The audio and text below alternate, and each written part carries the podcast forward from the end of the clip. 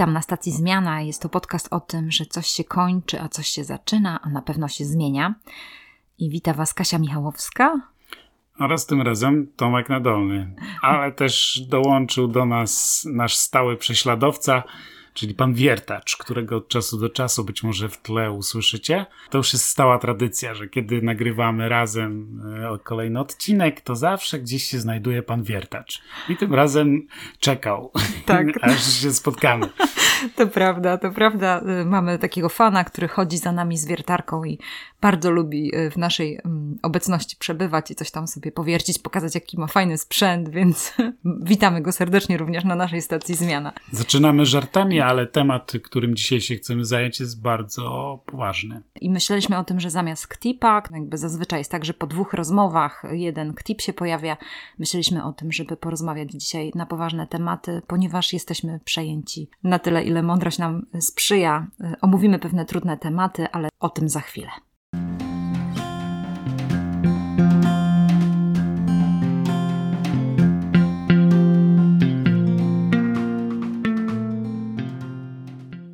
I'll Ostatnie miesiące to dla mnie jest też taki czas intensywnych kontaktów z ludźmi, ale na tyle intensywnych, że ja po prostu z niektórymi osobami bardzo dużo czasu spędzam i rozmawiam, ale też dookoła jest mnóstwo takich wydarzeń, na które nie, nie sposób podejmować refleksji nad tym i próbować je zrozumieć, czy próbować w jakiś sposób też pomóc ludziom, których to dotyka. Mówię tutaj o wielkiej ilości samobójstw, bo to, że śmierci z powodu COVID-a dotykają również moje najbliższe otoczenie, to jedno, ale też wiele osób odchodzi samodzielnie lub próbuje odejść, albo przeżywa tak głębokie problemy psychiczne, czy depresje, czy różne zaburzenia, że nie daje sobie rady w ogóle z tym życiem na tym świecie i nosi się z takimi radykalnymi rozwiązaniami. To oczywiście jest trudne też o tym rozmawiać i słuchać i tak dalej, no ale ponieważ e, takie wyzwanie mnie w życiu spotyka, więc e, od jakiegoś czasu rozmawiamy o tym z Kasią. Zaczęliśmy rozmowy na Messengerze, wymienialiśmy się jakimiś myślami, wywiadami,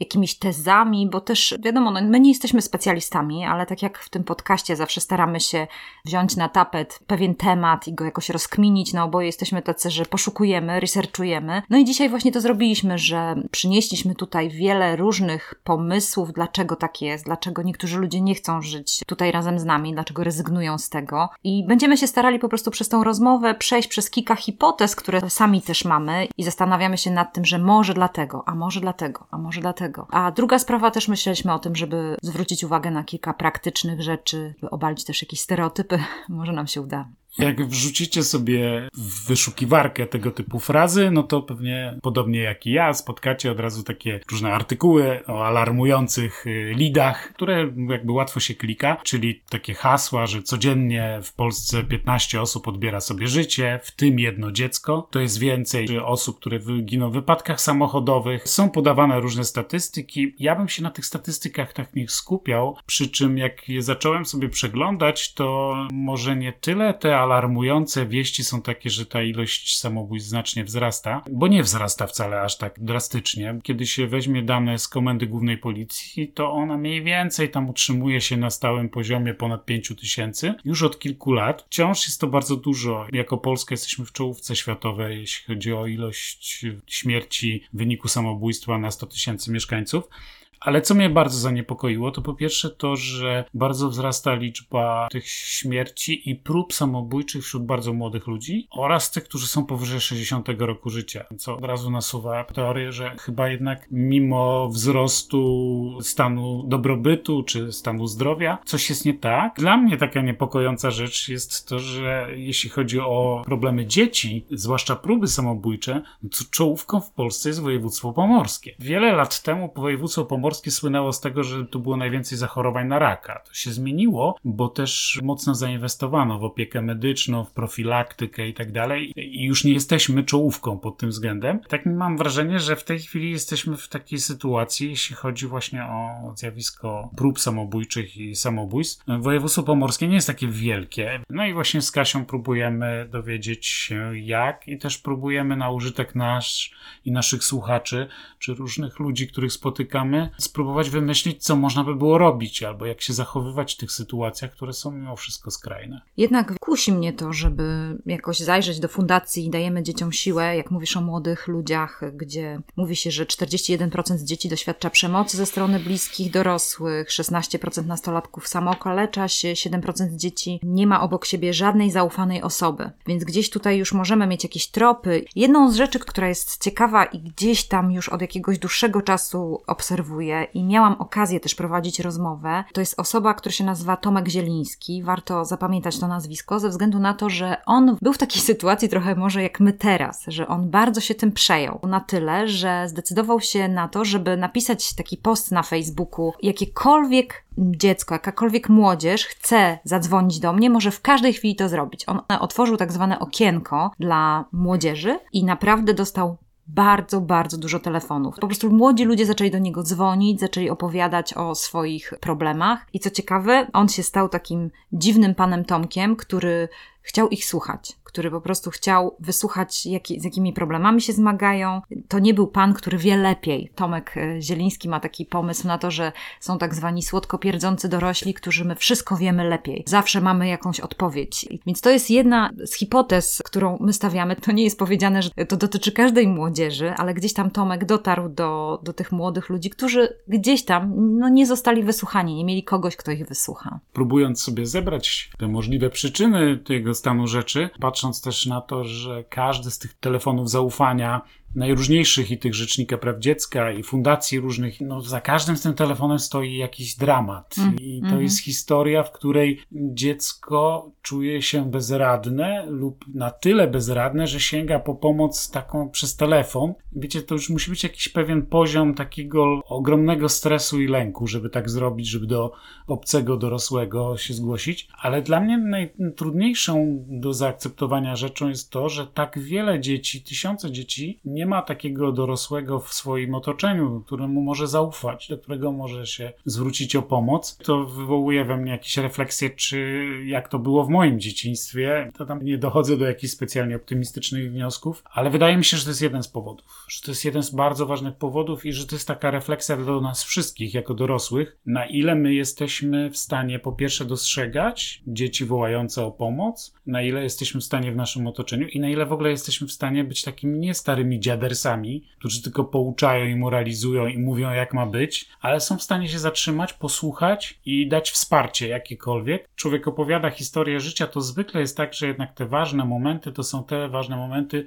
kiedy w jakichś problemach wsparł nas ktoś ważny, ktoś dorosły, ktoś, kto później w życiu myślimy o nim jako o ważnej osobie. No i to jest też pytanie do nas, czy my potrafimy sprostać takim zadaniom mm. i czy jakoś gdzieś próbujemy o tym myśleć, że gdzieś w otoczeniu naszym w kółko się dzieją tego typu rzeczy mhm. na podwórku pod naszym domem, u sąsiadów, w szkole, w której uczymy, czy w bibliotece, w której czasami się kręcimy. Więc o objawach tu pogadamy później, ale wydaje mi się, że kluczowe jest to, w jaki sposób my się nie spisujemy jako dorośli. Teraz jak Tomek o tym mówisz, to myślę sobie, że to jest dobry moment, żeby zacytować pewną rozmowę, bo ta rozmowa może trochę Wam pomóc w tym, żeby w ogóle zastanowić się, jak, jak można rozmawiać z taką młodą osobą. Jest to rozmowa z okienka Tomka Zielińskiego. Jest to rozmowa z Miłoszem, 17-letnim, który jest po próbie samobójczej. Czwarta rozmowa. Zaczyna coś takiego. Panie Tomku, moje rozmowy z Panem to rozmowy o życiu, którego miało nie być. Rozpoczynamy każdą rozmowę z Miłoszem od tego, o co nikt nie pyta. I tym razem zadałem takie pytanie. I Miłosz odpowiada: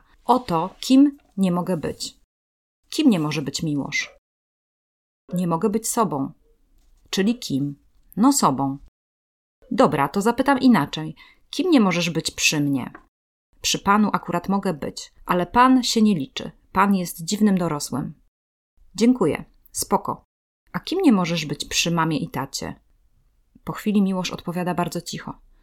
Nie mogę być tym, kto marzy. Opowiesz mi coś więcej?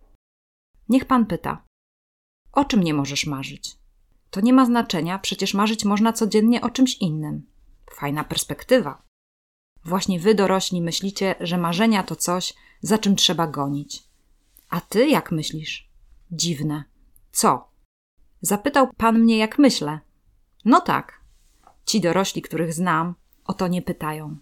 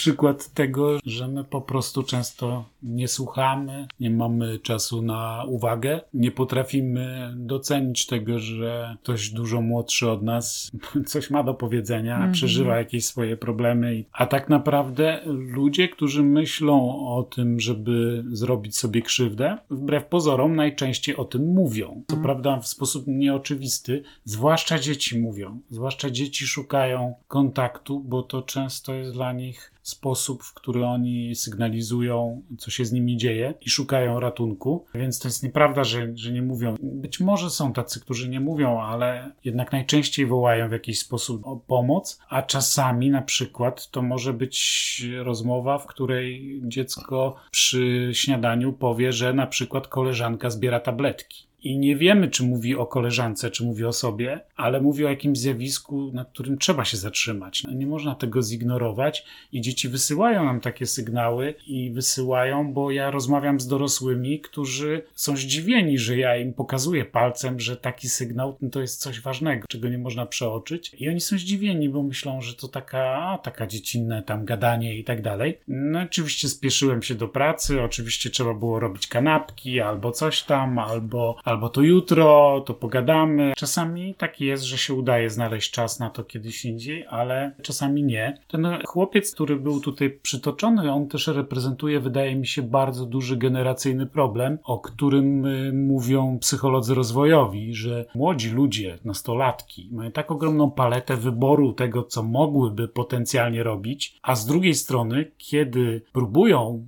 testować po swojemu, próbować, eksperymentować, to się okazuje, że niewiele mogą zrobić. To jest źródłem jakiejś ogromnej frustracji i też się zastanawiałem, dlaczego dzieci o tej samej biografii czy o takich podobnych rodzinach, dlaczego jedne tak głęboko wpadają w takie problemy, a drugie nie. Chyba jednak dochodzi do tego wtedy, kiedy naraz nagle na przykład ktoś ma, nie wiem, mniej odporny układ nerwowy, a do tego jeszcze dochodzą inne różne czynniki. Takim innym czynnikiem może być na przykład utrata pracy przez jednego z rodziców, może być rozwód rodziców. Może być jakaś tragedia, typu śmierć w rodzinie kogoś ważnego. Nie ma chyba w rodzinie osób nieważnych. Na przykład, nie wiem, niezdany rok w klasie. W tej chwili szkoła i osiągnięcia szkolne to jest na tak wysokim poziomie wymagań rodziców, że na przykład brak promocji do następnej klasy to jest tragedia. I w momencie, kiedy się pojawiają takie elementy dwa lub trzy lub cztery, to się okazuje, że coś przelewa przez tamę, którą dotąd miała rodzina i już nie jest w stanie tego utrzymać.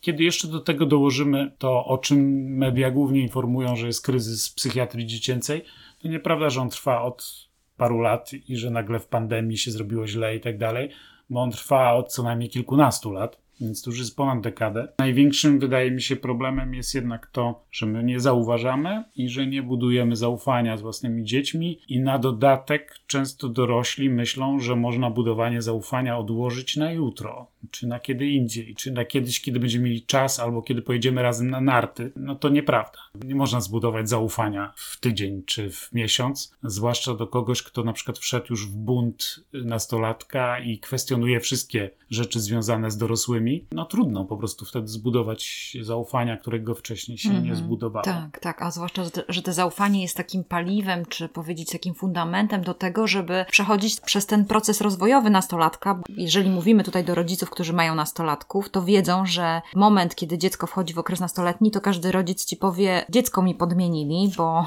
nagle to, co działało wcześniej, w ogóle nie działa. I to oznacza tylko, że wchodzimy w proces wychowawczy, który polega na zwiększaniu wolności i zwiększaniu odpowiedzialności, bo wolność jest związana z odpowiedzialnością, uczenia tego dziecka wypuszczania z domu, dawania różnych wyzwań, wspierania w próbowaniu wychodzenia do świata, w próbowaniu siebie, jaki jestem, no bo musi nastąpić taki okres eksploracji. No to jaki ja jestem w końcu? Czy ja jestem taki, jak mi mówili rodzice? Czy coś innego mi powie świat, jakiś grupa inny komunikat, grupa rówieśnicza. I dokładnie. I tutaj właśnie, tak jak mówisz, Tomek, no zbieramy to złoto, które zainwestowaliśmy przez lata do momentu, kiedy dziecko stało się nastolatkiem, w postaci tej bliskiej więzi, poczucia bezpieczeństwa, tego, że znamy to dziecko i możemy go obdarzyć zaufaniem. Mówimy, dobra, idź, ufam ci. No, wiadomo, że może się zdarzyć różne rzeczy, nie? Tutaj już wkracza lęk rodziców i tak dalej. To, że dziecko staje się nastolatkiem, zmienia całą rodzinę. To jest po prostu wielka rewolucja. Coś tak, wiesz o No wiem, oczywiście. No ja mówię tutaj z perspektywy rodzica, ale i teraz jest pytanie zawsze, wiesz, czy to przyjmiemy jako pewne błogosławieństwo, bo my możemy się zmieniać. W końcu. Też, nie? Że, że możemy się zmieniać i wyruszać w tą podróż z tym nastolatkiem w jego jakieś dziwne obszary, czy będziemy mówili, nie, no nie, bo co ty robisz? Tak jak ten chłopak tam dalej w tej wypowiedzi, zalinkujemy wam, żebyście przeczytali, ale on mówi coś takiego, że mówi rodzicom, okej, okay, ze względu na to, że już wie, co oni powiedzą, że oni mają te takie utarte zdania, które on już słyszał od lat i mówi, że w porządku, ze względu na to, że chce, żeby się odwalili od niego. Nie? No tak, a młody człowiek, który nie kwestionuje tego, co mówią dorośli, to nie jest zdrowy młody człowiek. No tak. I jeszcze do tego wszystkiego, co tutaj dodaliśmy, doszły te ostatnie dwa lata pandemii. Tak. Pandemia najbardziej podobno poturbowała dzieci, te najmłodsze, które potrzebują dużo kontaktów społecznych z rówieśnikami, ale najbardziej poszkodowaną grupą podobno paradoksalnie jest grupa 18-24, czyli już tacy młodzi dorośli, bo oni w ogóle w tym momencie, w którym się tworzą pary, w którym się wchodzi w dorosłe życie, zaczynają uczelnie i takie rzeczy, to oni na przykład już drugi rok przechodzą prawie cały online i prawdopodobnie A ja niczyja. nawet dokładnie i nawet się nie zintegrowali jako grupy tak. często i tak dalej. Także jeszcze na to wszystko nakłada się uzależnienie od smartfonów. Podobno jakby epidemią jest też to, że nie dosypiają, że są w ciągłym stresie i lęku. No i mamy jakby przepis na, na to, żeby katastrofa mogła się zdarzyć E, całkiem często. Ta pandemia, to co się wydarzyło, może paradoksalnie podobno wielu rodzinom pomogła. W sensie takim, że one musiały jakby na nowo przewartościować, zebrać siły, musiały jako system, musiały jakoś tam na nowo sobie wszystko poukładać i często to sprawiło, że one wychodzą z tej pandemii jakościowo inne, ale o wiele silniejsze jako, jako rodzina. Potrafią się wspierać, nauczyli się jak to jest ze sobą spędzać bardzo dużo czasu, a nauczyli się też różnych konfliktów związanych z zamknięciem, z przestrzenią i tak dalej. Paradoksalnie wielu to pomogło, no ale niestety nie wszystkim, bo mhm. tym, którzy nie potrafili sprostać temu kryzysowi, jakim był lockdown, no to zaszkodziła. I na przykład te osoby teraz powoli w jakiś sposób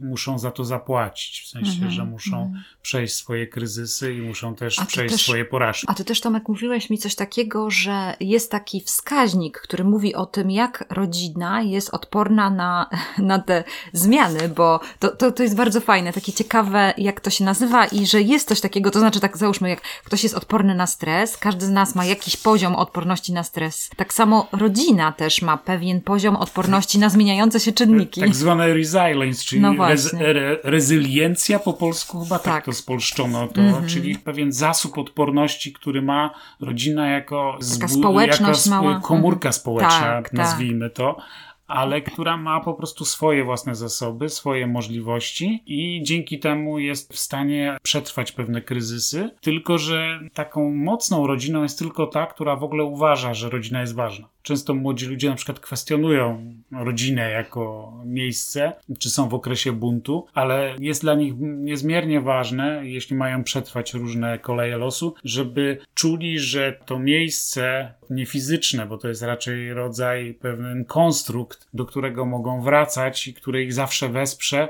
że oni takie coś mają. To jest bardzo ważne i myślę, że wiele rodzin nie potrafi tego w ogóle zbudować. Nie, nie, ma, nie ma żadnej odporności. Rozsypują się przy każdym konflikcie.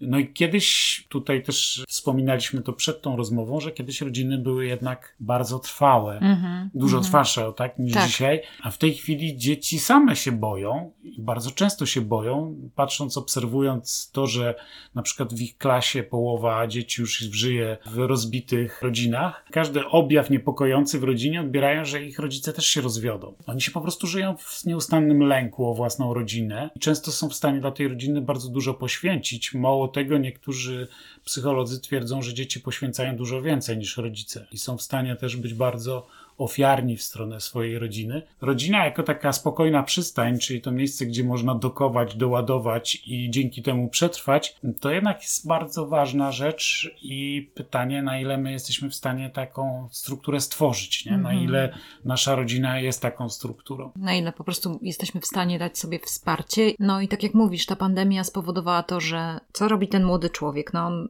siedzi na zajęciach, na lekcjach, że nie może sobie wyjść na przerwę i na przykład po prostu przytulić się do swego rodzica, który jest gotowy przyjąć te, te stresy jego na siebie, bo na przykład pani go wyrwała, bo sprzęt nie zadziałał, bo niestety no nie ma nas z, z, ta, z, taką gotowością. Pytanie, czy by chciał się przytulić, to jest inna sprawa, ale czasami też nie chcemy przytulać. Ja, ja to w ogóle, wiesz, język mój miłości, dotyk, więc dlatego mówię z tego języka, co Was zachęcamy do tego, żeby też e, się rozwijać jako rodzice. Czy macie dzieci, czy nie, to Chapman i jego pięć języków miłości naprawdę wiele może zmienić. Że wiesz, to też e, uczy, że tak naprawdę te historie, o których my tutaj sobie tam rozmawiamy, a konkretne przypadki, o których rozmawialiśmy, one uczą, że też e, często, kiedy dzisiaj jest szansa, że twoje dziecko się chce do ciebie przytulić, może oznaczać, że za pół roku już w ogóle nie będzie chciało. Nie? No, to prawda. I że trzeba po prostu Przytulać. Być, trzeba przytulać i tak. trzeba być mocno nastawionym na to, żeby wyłapywać te chwile warte mm -hmm. zapamiętania, przeżycia, żeby bardzo być tu i teraz. To a nie prawda. myśleć, że to kiedyś się tak. odrobi. Bo nagle nawet nie wiemy kiedy jest na przykład nasze dziecko już jest po prostu gdzieś zupełnie indziej mm -hmm. i ono się tak szybko rozwija, czas mija tak szybko, mm -hmm. że mhm. to są niepowtarzalne szanse. To jest super, super rzecz, co mówisz, bo to jest ten obszar na przykład, który ja się uczyłam, że tak powiem, y, będę się tutaj dzielić osobiście, kontenerowanie emocji. W sensie takim, jestem w stresie, robię kolejny projekt, ale wiem, że jeszcze trzy czekają inne. Oczywiście jeszcze opiekowanie się starszym, starszą osobą, czyli jeszcze tutaj relacje i nerwy, które są związane z moją mamą i tak dalej. I to wszystko niesiemy jako osoba dorosła, a tutaj właśnie jak mówisz, chce się dziecko przytulać. I to jest te, ta sprawa, że, że my jako dorośli, my możemy, my damy radę, żeby skontenerować te swoje stresy, i pomyśleć sobie, później się postresuję. Teraz jest czas przytulania tego dziecka albo powiedzenia do niego spokojnie, co się dzieje, czemu ci to wypadło, czy mogę ci jakoś pomóc, a nie, że tu czemu rozbijasz szklankę i tak dalej, bo cały mój stres teraz wyjdzie na tego dzieciaka. To jest znowu, mówię, sprawa tego, czy my to przyjmiemy jako błogosławieństwo, w sensie takim rozwijam się, bo uczę się na przykład kontenerować swój stres i bardziej sobie radzić ze stresem, że mogę go przytrzymać na trochę, a nie, że, drz, że on ciągle wybucha, nie? I, I rozładowuje się na tym dzieciaku. To jest też chyba ciekawe, bo my często myślimy, że nasze dzieci powinny sobie same poradzić, bo my sobie radziliśmy. No właśnie. I tak dalej. tak. Ale te dzieci są jednak trochę innej sytuacji. Pani profesor, czy doktor habilitowany Magdalena Błażek z y, Gdańskiego Uniwersytetu Medycznego niedawno taki wywiad bardzo dla mnie ciekawy, no bo mało popularne tezy tam w nim głosiła. Też zwraca uwagę, że te rzeczy, o których my wcześniej mówiliśmy, te wszystkie problemy, z którymi teraz nasi młodzi ludzie muszą sobie powalczyć, ale powalczyć też muszą starsi ludzie, na to jeszcze wszystko jakby nakłada się taka siła interferencji, czyli niekorzystne fale i jeszcze do, dokłada się do nich internet. Ona mówi, że jakby zalew informacjami i dostęp do tych informacji przede wszystkim do złych informacji, sprawia, że po prostu ludzie, zwłaszcza młodzi, tkwią w permanentnym lęku. Cały czas są zestresowani, są zalęknieni i my też, my ten nasz stres i lęk się im udziela. My nie mieliśmy takiego poziomu lęku jak oni. To e, prawda. I nie mieliśmy, nie byliśmy zalewani tymi codziennymi statystykami zachorowań, lockdownami i tak dalej. Ten dostęp do informacji sprawia, że niekoniecznie jesteśmy w stanie sobie radzić i musimy wymyślać jakieś strategie, żeby sobie z tym lękiem radzić. Być może przytulenie się do mamy czy do taty jest po prostu taką strategią i fajnie, że to dziecko ma taką strategię, więc trzeba je w tym wszystkim wspierać. A jeszcze do tego dochodzi, że my wszyscy jesteśmy teraz indywidualistami, mamy ogromną wolność, autonomię i bardzo dużo w to wysiłku wkładamy, żeby podkreślać tą wolność i autonomię.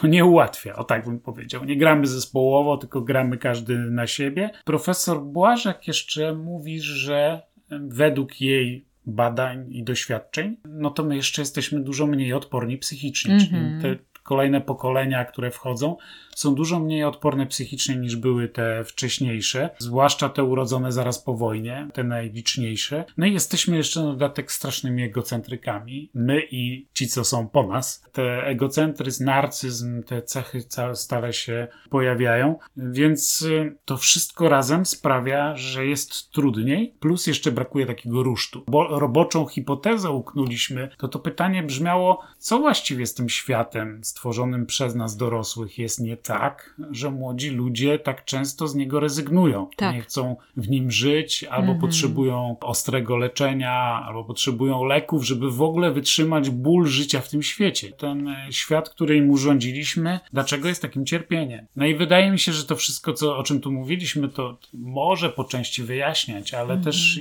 chyba trochę wyjaśnia to, że w naszym świecie brakuje pewnych wartości, odrzuciliśmy parę rzeczy. Na pewno to, że świat się zmienia w sensie takim, że religia przestaje być ważna, ale też pewne zwyczaje, rytuały, one odchodzą w niepamięć, ich nie ma. Nie ma takiego rusztu społecznego, który był. On oczywiście ma swoje wady, ma swoje zalety, ale widać, że my jako istoty społeczne tego po prostu potrzebujemy. Mm. Nasze kręgosłupy stają się miękkie i nie ma co nas trzymać w mhm. pionie. Nie mamy no. też tych życiowych celów w związku z tym.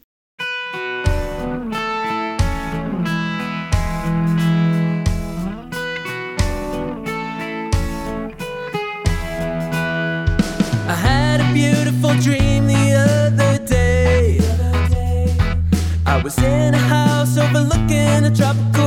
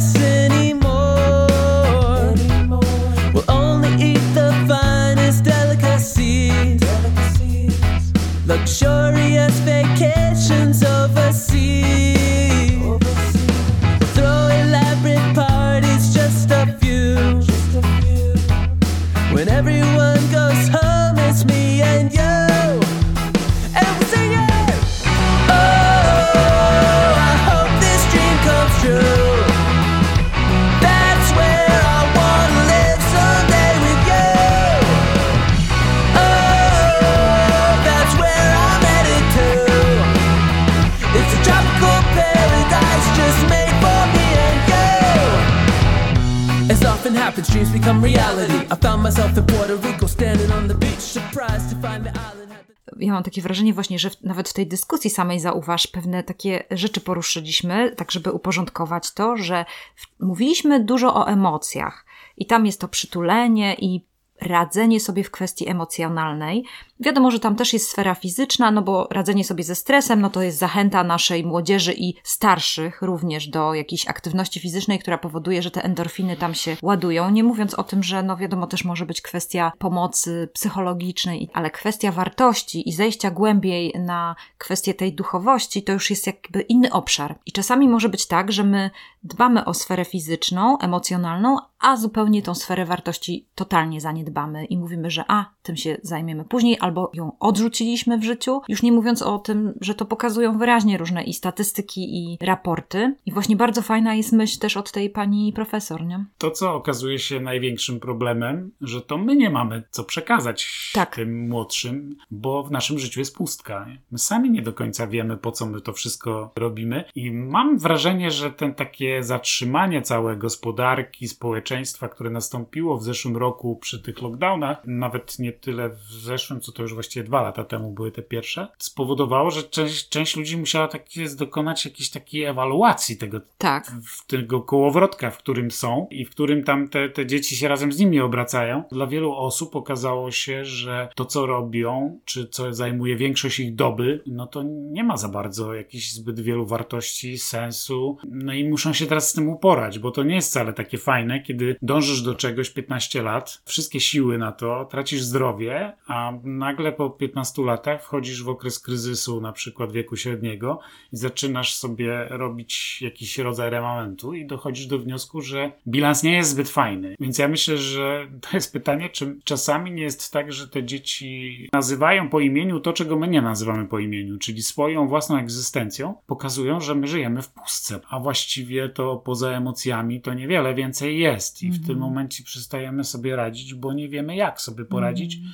Bo przede wszystkim nie wiemy na co chorujemy. I właśnie też nastolatek to jest taki świetny weryfikator. Jak chcesz się o sobie czegoś dowiedzieć, prawdy, to zapytaj nastolatka, y, w sensie w czym nie domagasz. I ten kontekst y, naszej, tak użyję takiego dosyć mocnego zwrotu społecznej hipokryzji, hipokryzji na przykład religijnej, że chodzimy do kościoła, a nie żyjemy tym. Ten głupi przykład, że krzesło to nie wieszak, a sami ten wieszak robimy z krzesła. Dzieci nasze widzą, jak rozmawiamy z naszymi pracownikami, jak... Albo słyszą, jak na przykład kłamiemy. Cokolwiek. Jesteśmy po prostu hipokrytami. Tak Hipokryzja boli. Co jest z tym życiem nie tak? Co z tym światem jest nie tak? No i to jest właśnie przywilej młodości, że możesz sobie tak być do bólu radykalny. Tak, tak. Bo potem ten radykalizm jednak w miarę mm -hmm. upływu lat się temperuje trochę, ale mm -hmm. możesz być radykalny, bo to jest właśnie cecha młodości. Tak, tak. I to jest mniej piękne. Czasami trudno to mm -hmm. strawić, kiedy ci tak przyfasoli taki młody no tak, człowiek tak, oczywiście. i obnaży kompletnie. Mhm ale na, na pewno w tym jest sporo prawdy. Wydaje mi się, że pogoń za tym, żeby być samowystarczalnym, samorealizującym się bytem, zapędziła nas trochę w koziru i ona gdzieś stoi u podłoża. Jest korzeniem tych problemów, które toczą w tej chwili następne pokolenia po nas przychodzące. Jak jeszcze tam do tego wszystkiego dodamy, że są bombardowane tymi lękami, na przykład mm. o przyszłość świata, kryzys, kryzys klimatyczny, mm -hmm. który rzeczywiście dla wielu nich staje się bardzo ważnym i dobrze, że się staje bardzo ważnym, ale tego wszystkiego jest tyle, że nie są w stanie ogarnąć. A w momencie, kiedy stresy i problemy mamy tak duże, że nie jesteśmy w stanie ogarnąć, no to coś musimy zrobić. Wtedy albo wpadamy w jakiś taki rodzaj nieczułości, której po prostu musimy się odizolować od tych wszystkich rzeczy, bo zwariujemy, albo na przykład wybierają właśnie jakieś takie radykalne decyzje. My w ogóle generalnie widzimy tylko te radykalne decyzje, ale zdaje się, że jak się tak pogada teraz z dziećmi i z młodym pokoleniem, to nie mam wrażenia, żeby nasze pokolenie było tak dużo nieszczęśliwych dzieci, czy takich jednak smutnych i przygnębionych. Niedawno byłem na takim filmie Kaman Kaman. Cały film jest pełen dzieci tak są nieszczęśliwe lub tak patrzą pesymistycznie na świat, który je otacza, że to jest szokujące. Nie wiem, no to jest na potrzeby filmu, pewnie są te wypowiedzi tych dzieci są tam jednak specjalnie zebrane. Mówimy o społeczeństwie amerykańskim, ale no jest to alarmujące. To ciekawe, co mówisz, bo mi to przypomina Nowy Port, dzielnica, która jest taka na oboczu Gdańska. Powiedzenie, że tam są takie rury, na których siedzieli rodzice, a teraz siedzą dzieci y, tych rodziców, y, tam jakieś dziury czy schody. Wygląda to tak tak samo. I ciekawą rzeczą było to, że mm, był zrobiony taki film dokumentalny przez tako, takie stowarzyszenie 180 stopni, które się zawiązało właśnie w Nowym Porcie. Tam się y, włączyła też pani psycholog i między innymi Kasia Werner, też y, przewodniczka lokalna, tak jak ja, no miała taki pomysł, żeby gdzieś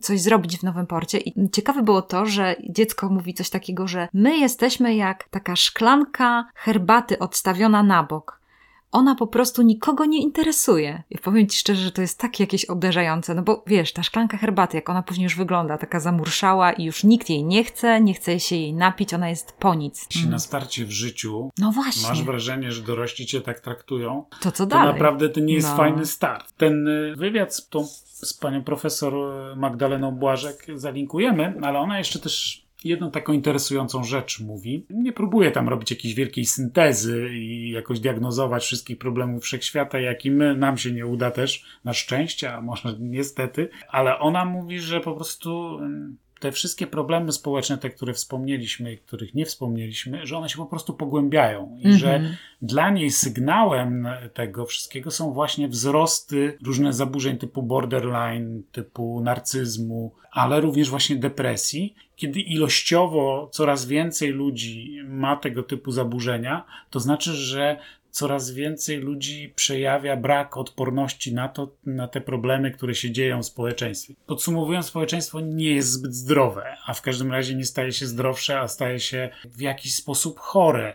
Ja bym diagnozował, że to jest brak jakiegoś systemu wartości, brak kontaktów międzyludzkich, brak uwagi wobec siebie, brak wspierania siebie w ramach rodziny, ale to jest taka bardzo ad hoc postawiona diagnoza. Być może wy, słuchacze, macie zupełnie inne pomysły na to, Mhm. dlaczego się tak dzieje, bo faktem jest, że się dzieje i faktem jest, że te problemy są i narastają i że jest też pewna bezradność dorosłych wobec tego, co z tym wszystkim robić, no bo oni nadal ciągle muszą zarabiać pieniądze, ciągle trzeba organizować Mhm. wyjazdy, ogarniają rozwody, różne sprawy związane z kupnem, kredytem, zmianą pracy, zmianami w pracy. Ja w ogóle nawet nie umiem sobie wyobrazić, jak to teraz jest, na przykład kiedy masz trójkę dzieci i jesteś w jednym nawet dużym mieszkaniu czy dużym domu i każde z nich musi być online podłączone do nauki, a ty też jeszcze musisz próbować to ogarniać online i jeszcze masz na przykład rodziców starszych wymagających pomocy. To moje problemy różne, logistyczne, to chyba jest mały pikuś przy tym. Jestem w stanie Mhm. jakoś tam empatyzować tylko Tak, te, tak. tego typu. Widzimy te that symptomy, o których rozmawiamy, ale w gruncie rzeczy możemy stawiać tylko hipotezy, dlatego że nauka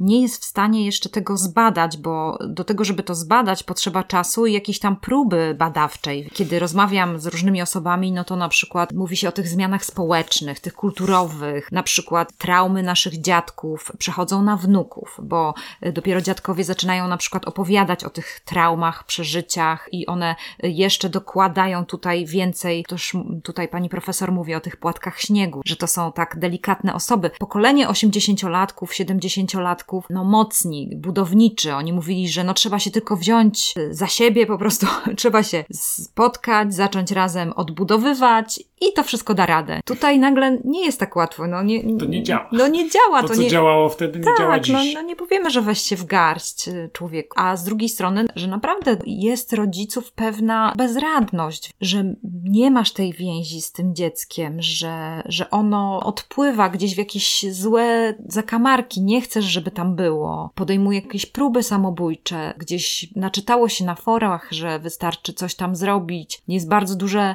tutaj pole informacyjne. Może kiedyś też my nie wiedzieliśmy aż tak dużo, dowiedzieliśmy się może od kogoś w szkole, jak można sobie odebrać życie, a teraz te informacje są tak bardzo powszechne. To są hipotezy. Przykład wpływ y, social mediów na dzieci, to y, między innymi Dębski bada, on się stara jakoś tam to naukowo podejść i szuka tych prób badawczych, rozmawia i my będziemy mogli za kilka lat dowiedzieć się, dlaczego tak jest.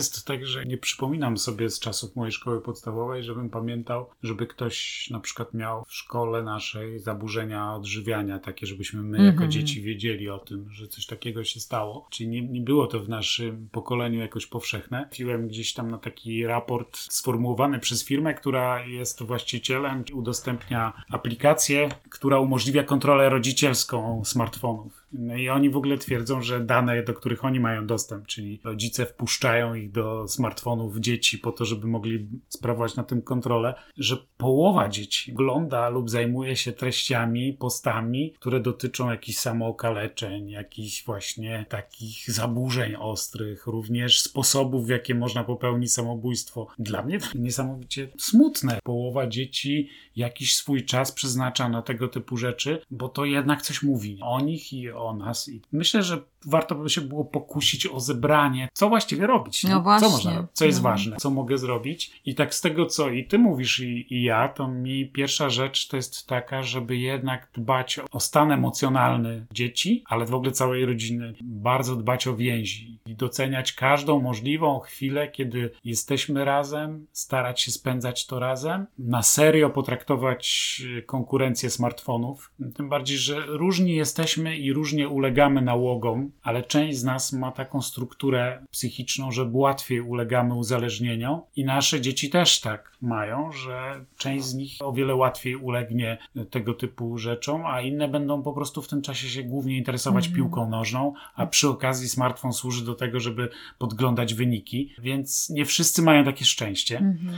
Mhm. I smartfon jest realną konkurencją dla naszej bliskości i naszych więzów rodzinnych, Mhm. więc to jest taka rzecz, która mi przychodzi do Tak. głowy, że ona by dała więcej odporności, tej resilience naszej rodzinie. Nie da rady zbudować odpornej rodziny bez inwestowania czasu, emocji, bliskości, dotyku, wspólnego świętowania, wspólnych posiłków, wyjścia do kina, spacerów. Po prostu to się samo nie zrobi. To prawda i też y, na przykład myślę o tym, że z takiego własnego podwórka pracy z, z parami, z małżeństwami, ogólnie życzeniowo do tego podchodzimy. Jest tak, że można by było zrobić, załóżmy, jakiś kurs, żeby poszerzyć swoje wiadomości, żeby jakoś y, rozpoznać coś i wiesz, i zawsze na to brakuje czasu. Z drugiej strony ktoś się uczy angielskiego. Ja wiem, że być może to jest potrzebne do pracy i tak dalej, ale dużo rzeczy robimy takich, y, które są w jakimś mniejszym stopniu teraz potrzebne do naszego rozwoju. Czyli, no nie wiem, tak bym wróciła do tego, żeby jeszcze raz zewaluować swój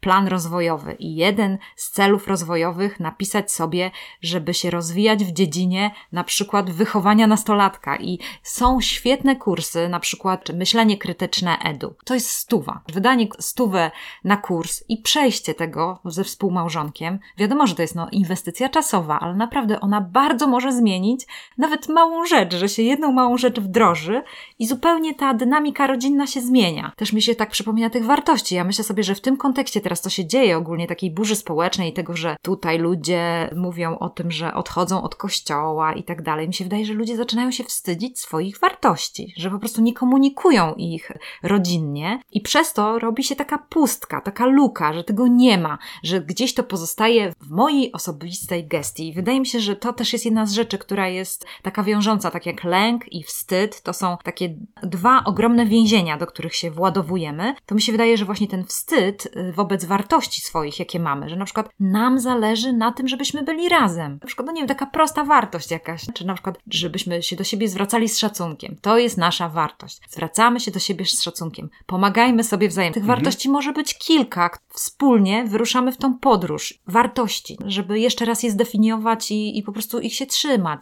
No ale załóżmy, że na przykład jesteśmy już rodziną nie wiem, z 11-20-letnim stażem i mamy już po prostu jakiś określony bagaż problemów, które Mhm. wydają się często trudno rozwiązywalne. I tak. To ja bym namawiał, nadal można próbować budować więzi, Tak, choć jest trudniej. Nadal można próbować budować zaufanie nawet z 20-letnim synem, tak. mimo że jest trudniej, ale przynajmniej można wysyłać sygnały, że jesteśmy już w końcu do tego dojrzeliśmy, Mhm. że możemy. Namawiałbym też rodziców, żebyście szukali rzeczywiście pomocy. E, Są różne środowiska rodziców, stowarzyszenia, które diagnozują pewne problemy lub grupy problemów, zaburzeń i one na przykład popularyzują tą wiedzę. Na pewno zalinkujemy tutaj tego Polskiego Towarzystwa Sui suicydoologicznego, jeśli Mhm, dobrze wymówiłem, które prowadzi taką specjalną stronę przeznaczoną właśnie dla rodziców, nauczycieli, wychowawców, której znajdziecie również też takie naprawdę fajne, zrobione pomoce w formie filmików i artykułów, dość krótkich, nie za długich, konkretnych bardzo, których jest też e, mnóstwo takich przykładów, jak rozmawiać z własnymi dziećmi, jak rozmawiać na przykład z dziećmi, którym czasami wśród ich najbliższych przyjaciół następuje takie tragiczne wydarzenie, jakie objawy są takie wołające już o alarm, gdzie szukać pomocy, jak szukać pomocy, jak pomagać. Nie jesteśmy specjalistami, więc my też szukamy, tak jak wy, i właściwie trochę szukamy dla was i za was. Z tych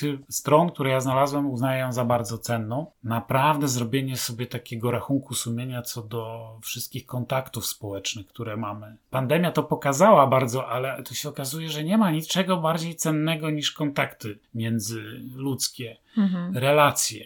I nawet jeśli na to nie macie ochoty, lub już się odzwyczailiście, żeby chodzić z kimś na kawę, na spotkania, na spacery i tak dalej, to zróbcie ten wysiłek, bo później, po jakimś czasie okazuje się, że niczego nie ma bardziej cennego. Mhm. I kiedy odczuwamy jakiś taki dyskomfort po, nie wiem, paru miesiącach siedzenia w domu, to być może po prostu nawet nie wiemy, że tego właśnie nam najbardziej Mhm. brakuje, nie? Że Tak. brakuje nam tego, że widzieliśmy twarz, emocje naszych przyjaciół. Takim jesteśmy gatunkiem stworzonym, że my tego potrzebujemy i wydaje mi się, że w to warto inwestować. Mhm. Że warto inwestować i warto też inwestować w kontakt ze swoimi rodzicami.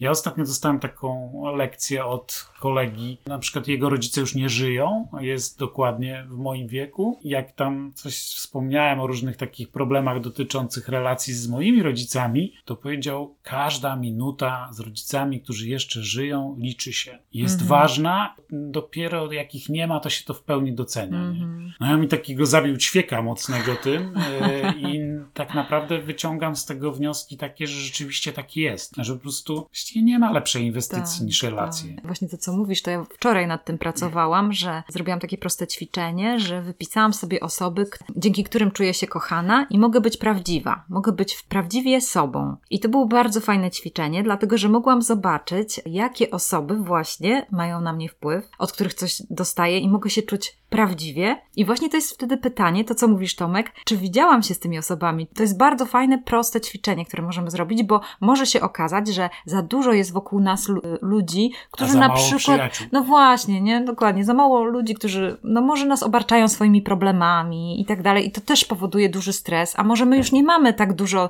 tej pojemności, żeby nieść też czyjeś ciężary, bo wiadomo, że też pomagamy innym ludziom, ale warto jest mieć taką równowagę pomiędzy tymi ludźmi, od których coś dostajemy i my też jakoś, no nie wiem, czujemy się partnerami, gdzieś są ci nasi mentorzy, też, żeby tak szukać i też y, ten kontekst tego, że może być tak, że za dużo jest ludzi wokół nas, którzy gdzieś tam wysysają. To też trzeba mądrze do tego podejść, bo jednak tutaj dysponujemy, żeby dobrze zarządzać tymi swoimi zasobami. Ale jeśli już myślimy w co najbardziej warto inwestować, tak. co ma przyszłość, to w relacje i może fajnie, że mówisz, że tak, nie we wszystkie relacje. Mhm. Większość z nas ma ich jednak kilka zaledwie. Warto sobie tak w, w ogóle w głowie zrobić taki rachunek, czy mamy pięcioro takich ważnych osób dookoła nas, które możemy nazwać rzeczywiście przyjaciółmi, bo każdy człowiek podobno dla swojego dobrostanu psychicznego właśnie mniej więcej pięć osób powinien mieć Mhm. które są dla nich e, wsparciem i akceptują pomimo różnic i tak dalej. Myślę, że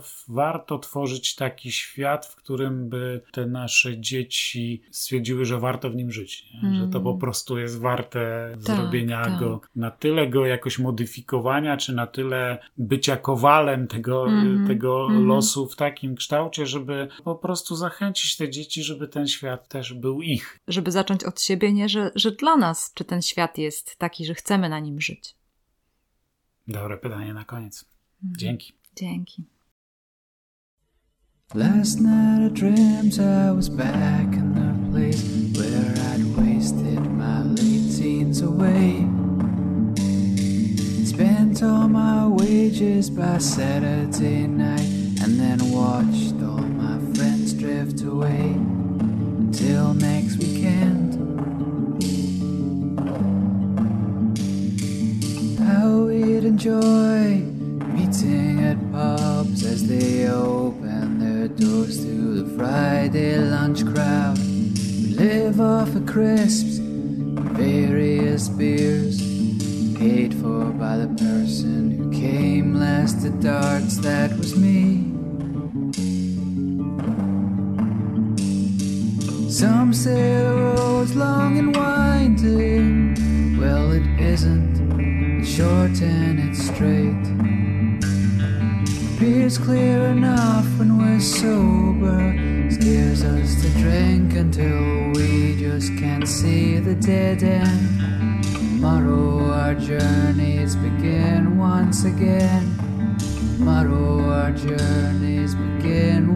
again.